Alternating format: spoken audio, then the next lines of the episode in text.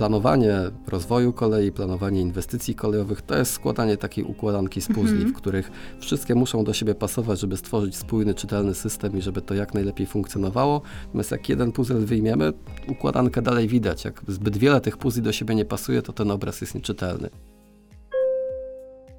To jest podcast. Cześć, pogadajmy konkretnie. 55. odcinek podcastu Cześć, pogadajmy konkretnie rozpocznę dość nietypowo, bo od podziękowania. Podziękowania dla wszystkich naszych słuchaczy za milion odtworzeń audycji. Cieszymy się, że jesteście z nami. A dzisiaj wraz z Michałem Jasiakiem, zastępcą dyrektora do spraw analiz spionu kolejowego w CPK, porozmawiamy o Białej Księdze Rozwoju Kolei, opracowanej przez ekspertów naszej spółki. Cześć Michał. Cześć, witaj. Aby zbudować efektywny system kolejowy, konieczne jest nowe, oparte na liczbach oraz e, wiedzy, e, podejście do planowania rozwoju infrastruktury. Czy właśnie po to CPK opracowało Białą Księgę Rozwoju Kolei? Tak, opracowaliśmy to właśnie po to, żeby pokazać szersze podejście, pokazać, że inwestycje kolejowe CPK ukierunkowane są nie tylko na budowę infrastruktury, e, na tworzenie, wylewanie hektolitrów betonu, tworzenie skomplikowanych konstrukcji mostowych, układanie rozjazdów, budowanie sieci trakcyjnej, ale przede wszystkim po to, żeby po tych nowych liniach kolejowych jeździły pociągi i żeby te pociągi woziły jak największą liczbę pasażerów i jak największą liczbę ładunków i żeby te inwestycje przyczyniły się do jak najlepszego funkcjonowania systemu kolejowego jako całości.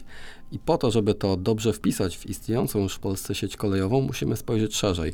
Nie możemy się zamykać tylko pomiędzy odcinkami, które są w, e, w gestii realizowanych przez naszą spółkę, mm, ale musimy spojrzeć na cały system kolejowy i musimy e, spróbować się jak najlepiej w niego wpisać, nie tylko z punktu widzenia dzisiejszego i tego, jak on dzisiaj funkcjonuje, ale w momencie, w którym e, będziemy oddawali do eksploatacji poszczególne linie kolejowe, tak żeby one mm, dały jak najlepszy efekt.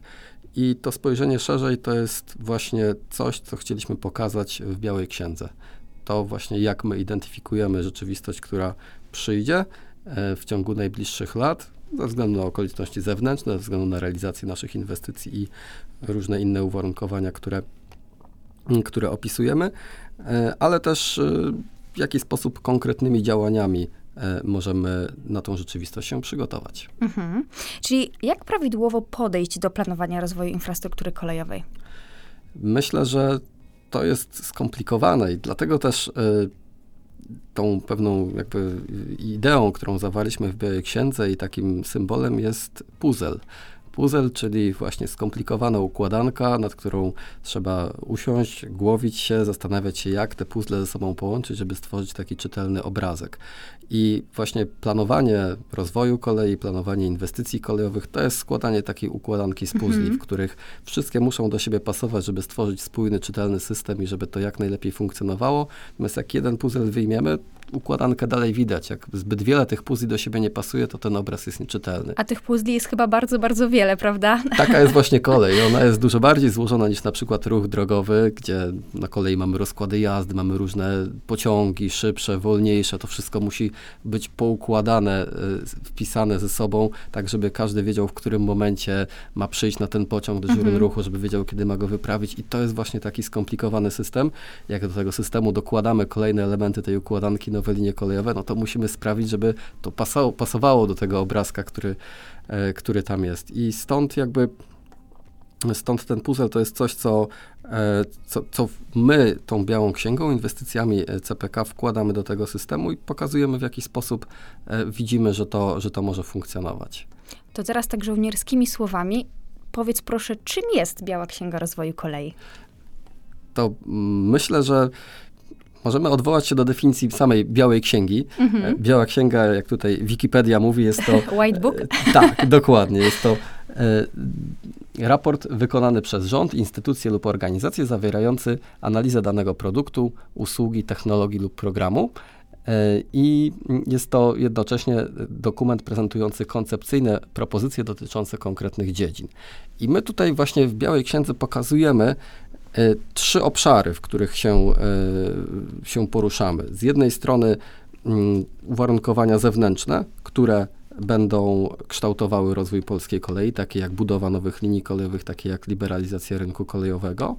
E, pokazujemy w jaki sposób my możemy działaniami, które prowadzimy w spółce poprzez budowanie nowych linii kolejowych, kształtowanie dla nich założeń, wykonywanie prognoz ruchu, kształtowanie rozkładów jazdy, e, uwarunkowania związane z efektywnością tych inwestycji czy przepustowością, jak możemy dobrze wpisać się w, ten, w tą nową rzeczywistość i pokazujemy w trzecim obszarze konkretne produkty i narzędzia, które nam umożliwiają właśnie to podejście oparte na wiedzy, na wiedzy i liczbach.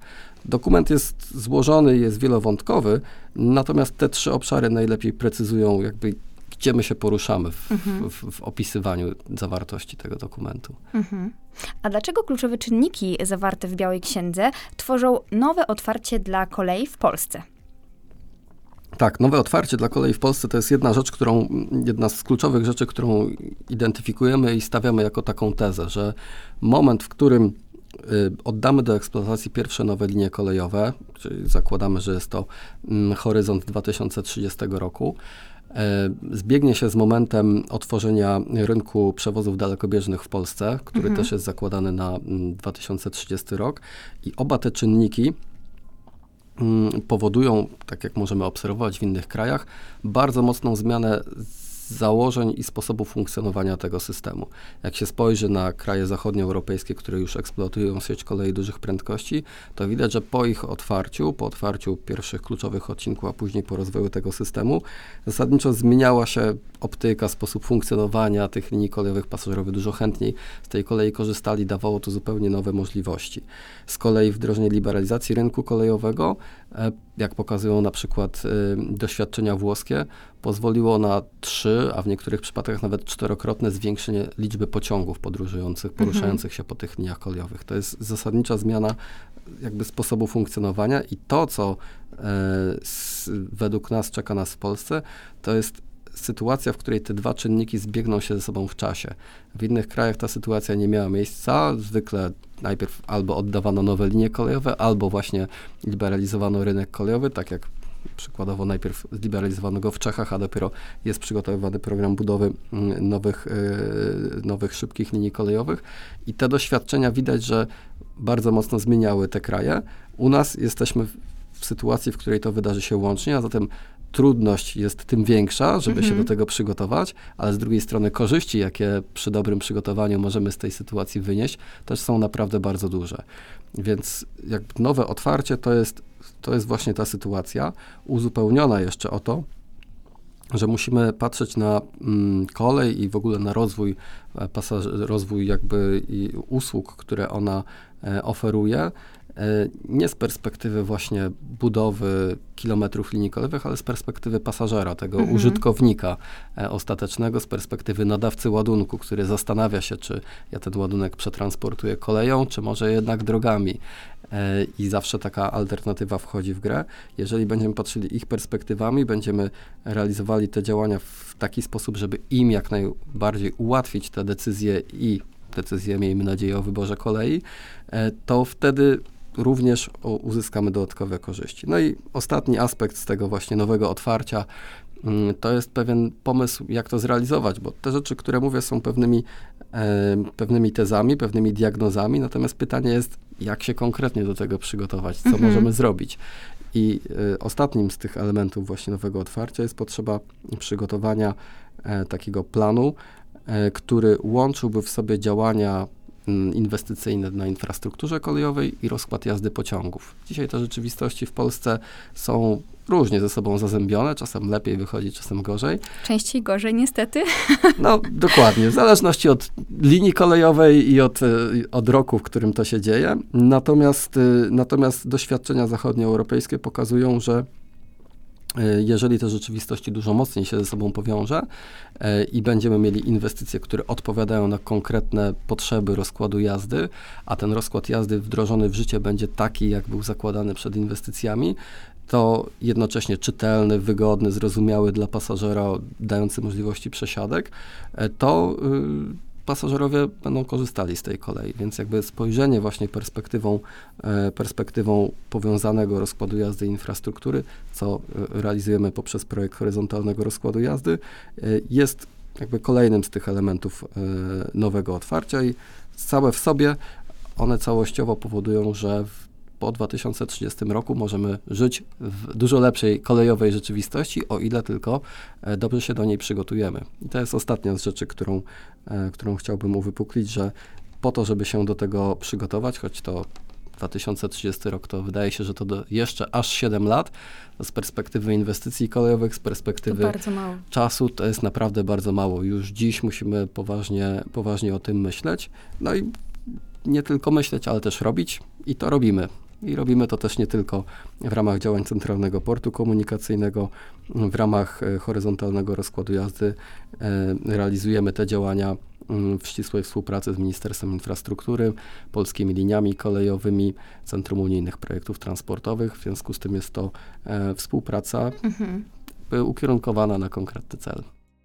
To jest podcast. Cześć, pogadajmy konkretnie. O HRJ cię jeszcze dopytam, ale za chwileczkę.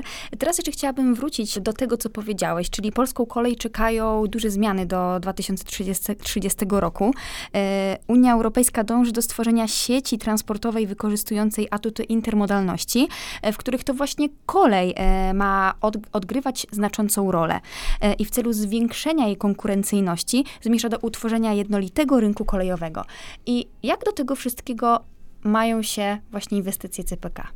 Tak, y, jednolity rynek kolejowy jest to taka, powiedział, teza y, stawiana przez Komisję Europejską, dążąca do tego, żeby pociągi mogły poruszać się po y, całej sieci kolejowej Unii Europejskiej w sposób, można powiedzieć, niezauważony pomiędzy granicami, czyli żeby nie było takich e, granic, które by powodowały e, ograniczenia w prowadzeniu ruchu pociągów.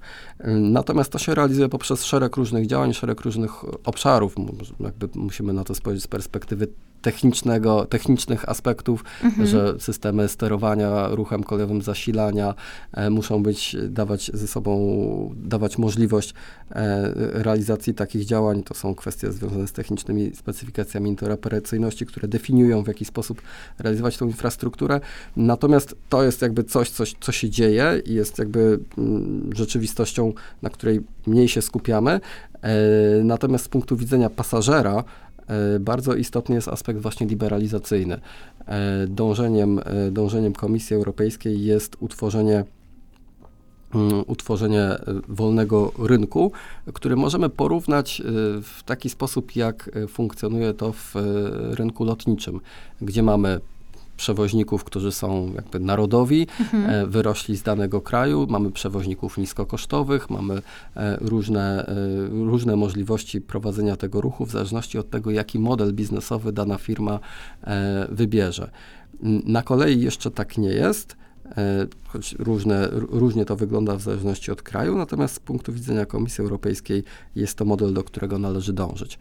Oczywiście nie można porównywać jeden do jeden e, mhm. ruchu lotniczego i kolejowego, bo właśnie te kwestie mm, związane z tym, że przestrzeni w powietrzu chociażby mamy bardzo dużo, a e, kolej musi poruszać się po konkretnych liniach kolejowych, mhm. rozjazdach. One dają albo nie dają e, różne, różne możliwości, na przykład związane z prędkością przejazdu. To są, to są rzeczy diametralnie jakby różniące te, te dwie cechy transportu, natomiast co do jakby idei, tak właśnie ona wygląda. I mm, doświadczenia właśnie z innych krajów pokazują, że e, w momencie, w którym te rynki się otwierają, to zmienia się właśnie bardzo mocno logika, wzrasta liczba mm, połączeń, wzrasta liczba pasażerów, ceny biletów spadają. E, to jest tak przedział około 10-20% w zależności, mm, w zależności od kraju. E, I jakby zasady funkcjonowania tego, tego rynku są inne. I to, co jakby musimy, w jaki sposób musimy na to patrzeć, to to, żeby te nasze inwestycje kolejowe e, były przygotowane na tą nową rzeczywistość, mhm. na tą rzeczywistość, gdzie będziemy mieli właśnie mm, aspekty związane z większą liczbą przewoźników, e, większą liczbą pociągów i musimy być na to gotowi, żeby się nie okazało, że zbudujemy nowe linie kolejowe na rzeczywistość, która właśnie minie w mhm. momencie oddania ich do eksploatacji. Czyli to jest ten y, parametr future, prawda? Tak, to się tak bardzo ładnie nazywa future proofed i mhm podejście właśnie związane z y, wiedzą o tym, co nas czeka, z narzędziami, które umożliwiają nam wykonywanie prognoz ruchu, badanie przepustowości sieci kolejowej, do których pewnie za chwilkę y, też dojdziemy pozwalają nam dobrze przygotować na tą rzeczywistość i sprawić, żeby te inwestycje były dobrze przygotowane. Jasne. I teraz myślę, że właśnie jest ten moment, kiedy przejdziemy płynnie do narzędzi i koncepcji stosowanych przez CPK w, w Białej Księdze. Wspomniałaś już o HRJ, ale mamy również inne narzędzia i koncepcje. Tak, ja tutaj bardzo dużo powiedziałem o aspektach związanych z pasażerami, natomiast to może też nie jest jakby bardzo czytelne i jednoznaczne, ponieważ kwestie ruchu towarowego również są e, rzeczywistością, którą obejmujemy swoim działaniem w Centralnym Porcie Komunikacyjnym. I może właśnie od tych narzędzi związanych z ruchem towarowym bym, e, bym zaczął, ponieważ tutaj z jednej strony mm, istotna jest informacja, że większość z linii kolejowych, które w ramach Centralnego Portu Komunikacyjnego przygotowujemy, będzie przygotowana do prowadzenia ruchu towarowego, szybkich pociągów mm, przewożących głównie e, kontenery, czyli ten tak zwany intermodal. Mhm. E, i dzięki temu y, będą, będzie możliwa transport tych ładunków w różnych relacjach, czy to z polskich portów na południe Polski, czy, mm, czy w, w innych relacjach, w sposób w naszej opinii szybszy e, niż y, przy wykorzystaniu istniejącej sieci kolejowej. Natomiast drugi aspekt jest taki, że przeniesienie części pociągów, większej części pociągów dalekobieżnych z istniejących linii kolejowych na nowe linie kolejowe też uwolni przepustowość na istniejących liniach kolejowych, więc ten ruch towarowy będzie mógł być lepiej realizowany. Natomiast to jest jakby bazowe założenie, jeszcze nie będące żadną z tych koncepcji mhm. i narzędzi.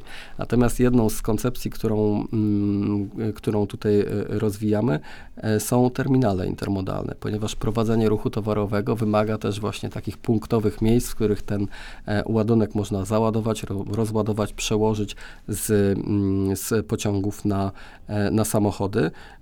I mamy wypracowaną w ramach każdego studium techniczno-ekonomiczno-środowiskowego badamy lokalizację e, potencjalnych nowych terminali intermodalnych, e, tak żeby one były dobrze wpisane w przestrzeń, -hmm. dobrze związane z liniami kolejowymi, z infrastrukturą drogową, która jest dookoła. Po to, żeby mm, to, to jeszcze może tutaj dodam, że w zakresie terminali intermodalnych e, też zakładamy, że to nie będzie e, tylko mm, sam przewóz kontenerów, ale zakładamy zgodnie też z dążeniem Komisji Europejskiej e, wyrażonym w ramach rewizji sieci TNT, żeby możliwy był też przewóz naczep. Czyli całych naczep jakby od ciągników siodłowych E, za pomocą transportu kolejowego, tak żeby jakby dojazd i obsługa mm, za pomocą transportu drogowego odbywała się tylko do terminala intermodalnego mhm. i od mhm. terminala intermodalnego. Czyli skrócenie tej ścieżki, można powiedzieć, w tak, tak. szybkość. Mhm. Zaangażowanie też na przykład mniejszej liczby kierowców, bo mhm. z, jakby z, z, punktu widzenia rynku pracy i dostępności kierowców już dzisiaj jest tym problem i te tendencje będą się pogłębiały. Także to jest jakby jedna, e, jedno z konkretnych działań. Natomiast do, za tym y, stoi też narzędzie analityczne, które, mm, które budujemy i spodziewamy się, że w przyszłym roku będzie dostępne, czyli towarowy model transportowy. Dzięki temu będziemy w stanie dobrze zwymiarować przestrzeń w tych terminalach intermodalnych, dzięki temu będziemy wiedzieli, jakie ładunki mogą e, w najlepszy sposób e, być przewożone e, za pomocą transportu kolejowego, biorąc pod uwagę całe, jakby całość przemieszczeń transportowych, nie tylko w Polsce, ale tak naprawdę na całym świecie, mhm. ponieważ choć pasażerowie podróżują głównie wewnątrzkrajowo i coraz więcej e, w ościennych krajach za pomocą transportu kolejowego, to ładunki przewożone są jednak globalnie z Chin, mhm. z innych krajów, e, gdzie jest to zagłębie produkcyjne, przypływają statkami do portów, no i stamtąd są rozwożone albo transportem kolejowym, albo drogowym do różnych e, części naszego kraju, ale też nie tylko, na przykład potencjalnie rynkami, które mogą być e, dostępne, mm, to są Czechy czy Słowacja z wykorzystaniem nowych linii kolejowych. I właśnie badanie tego, jak jakie inwestycje infrastrukturalne najlepiej wpisują się w te łańcuchy transportowe, tak żeby, e, żeby jak najlepiej wykorzystać te, te, te możliwości, e, to jest coś, co będzie możliwe przy wykorzystaniu towarowego modelu transportowego. Natomiast z punktu widzenia, mm, z punktu widzenia mm, podejścia do e, pasażera, no to mamy tutaj e, działania związane właśnie z horyzontalnym rozkładem jazdy, o którym powiedzieliśmy. E, mamy wątki związane z pasażerskim modelem transportowym, e, które jest narzędziem już wdrożonym, wykorzystywanym przez ponad 50 użytkowników, umożliwiającym wykonywanie prognoz ruchu. Tak, i to też zapraszamy do wcześniejszych podcastów z udziałem Michała Pyzika. Dokładnie. Tutaj Michał już dużo bardziej szczegółowo na ten temat opowiadał, więc przejdę od razu dalej, czyli czyli do lokalnych hubów mobilności. To jest też właśnie konkretna implementacja tego, o czym powiedziałem, czyli o potrzebie patrzenia perspektywą pasażera, ponieważ ten pasażer zanim wybierze, zanim wsiądzie do pociągu, e, to musi się do niego jakoś dostać, a dostaje się przez konkretne e, stacje, które są przygotowane albo w taki sposób, żeby zachęcały do wykorzystania kolei, dawały możliwości przesiadek, dawały dobrą integrację z autobusami czy innymi e, środkami transportu, dawały możliwość zapewnienia jakichś drobnych usług typu właśnie zakup kawy, mhm. herbaty i, i chwilę poczekania w komfortowych warunkach, czy nawet spojrzenia na architekturę, która może być atrakcyjna albo może być taka, no, taka że jest, tak, tak powiedzmy. Jasne. Więc e, tworzenie tego, integracja m, stacji z otoczeniem e, realizowana we współpracy z lokalnymi samorządami. To jest właśnie mm, idea lokalnych hubów mobilności, e, którą rozwijamy w ramach lokalizacji, które będą budowane od zera przez centralny port komunikacyjny. E, albo które będą mocno zmienione w wyniku naszych działań. Takie lokalizacje to na przykład Brzeziny pod Łodzią, gdzie budujemy nową stację w mieście powiatowym, które tej kolei nie ma, mhm. ale takie lokalizacje to też na przykład Sieradz, Kalisz, Jastrzębie Zdrój czy Żory, e, kilkudziesięciotysięczne miasta, których kolej jest, ale tej kolei będzie dużo więcej mhm. po, realizacji, e, po realizacji nowych inwestycji. Mhm. I to jest niesamowite, że to właśnie te wszystkie narzędzia, te koncepcje są opracowywane przez CPK. Więc tutaj gratulacje dla waszego całego zespołu. To jest, to jest coś, co, nad czym faktycznie pracujemy wewnętrznie i dzięki temu możemy jednocześnie rozwijać te narzędzia, jednocześnie implementować je w procesie, mm, w procesie inwestycyjnym, ponieważ no, wiele z tych rzeczy można sobie zadać pytanie, dlaczego ich jeszcze nie ma, mhm. bo wydaje się, że one już powinny być w momencie, w którym e, realizujemy cały ten proces inwestycyjny. No niestety nie było to możliwe, ponieważ wcześniej nie było centralnego portu komunikacyjnego jako spółki, nie można było tych narzędzi przygotować. Natomiast fakt tego, że robimy to wewnętrznie, umożliwia nam jednocześnie rozwój tych narzędzi, ale jak tylko mamy jakieś produkty, jakieś konkretne e, działania, to możemy już je implementować do procesu inwestycyjnego, w związku z czym te rzeczywistości są ze sobą e, zazębione. Nie powiedziałem jeszcze o dwóch, e, o dwóch elementach, więc je, je, je, tylko, je tylko zasygnalizuję, a mianowicie e, model mikrosymulacyjno-analityczny to jest takie narzędzie, które umożliwia nam badanie bardzo szczegółowe ruchu pociągów. Jesteśmy tam w stanie symulować ruch pociągów z dokładnością do pojedynczego rozjazdu, semafora, mhm. konkretnego typu pociągu, lokomotywy, która go ciągnie i patrzenia jakby w, w całej sieci, jak te pociągi, e, jak te pociągi się poruszają i badania, czy przepustowości dla poszczególnych, na poszczególnych liniach kolejowych wystarczy, albo jakie rozwiązania inwestycyjne, liczba torów na stacjach, e, czy też, nie wiem, ro, układ semaforów, czy, czy rozjazdu rozjazdów będą w stanie zapewnić jak najlepszy ruch tych pociągów.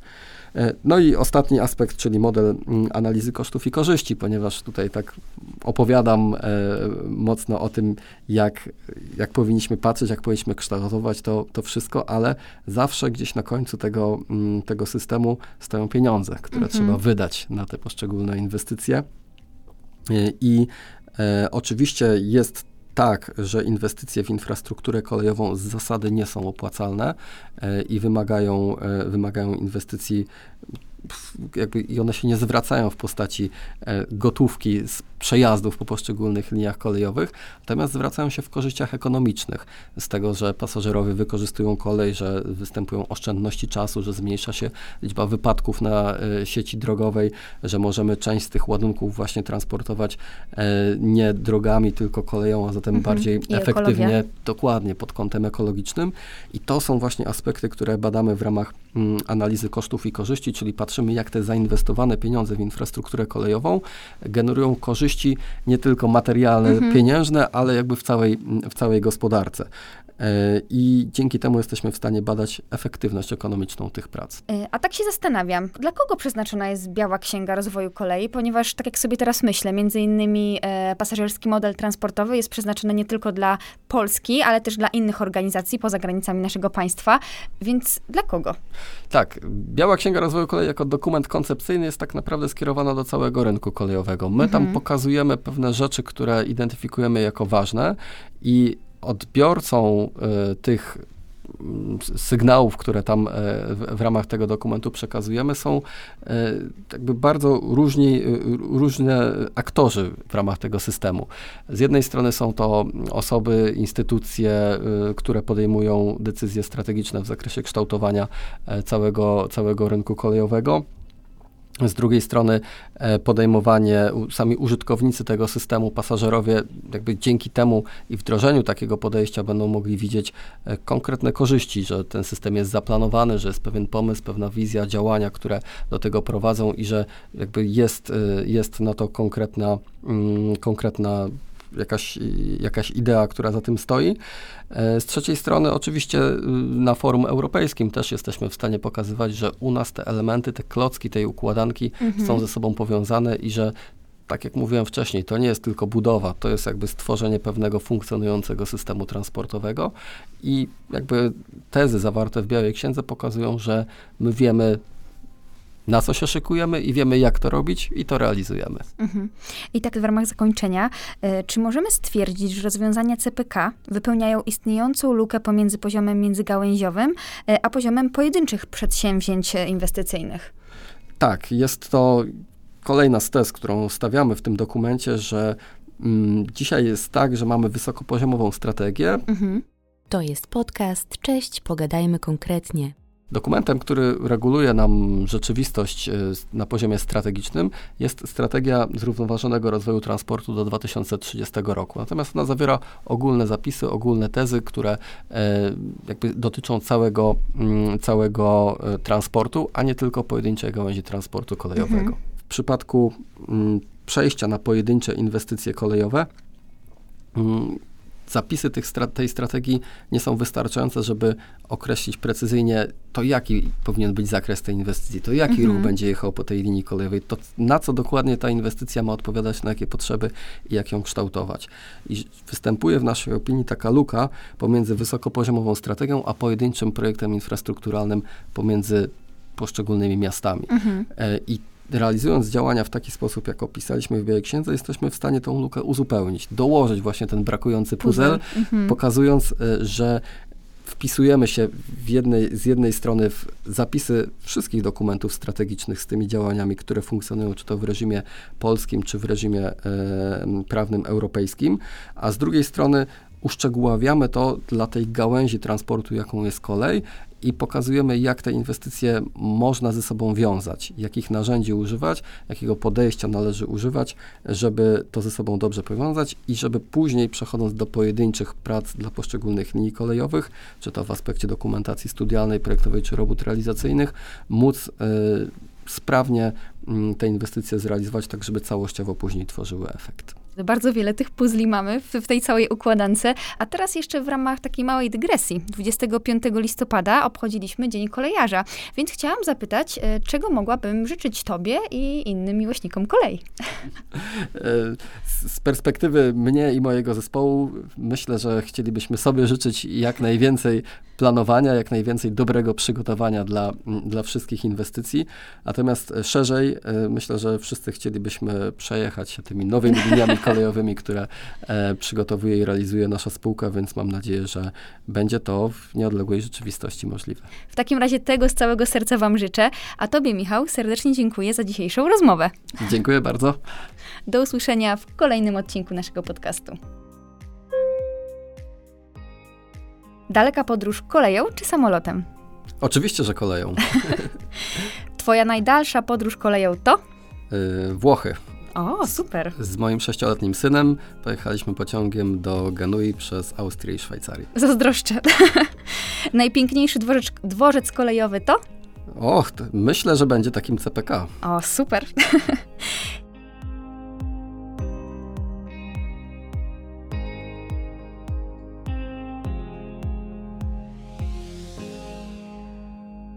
To był podcast. Cześć, pogadajmy konkretnie.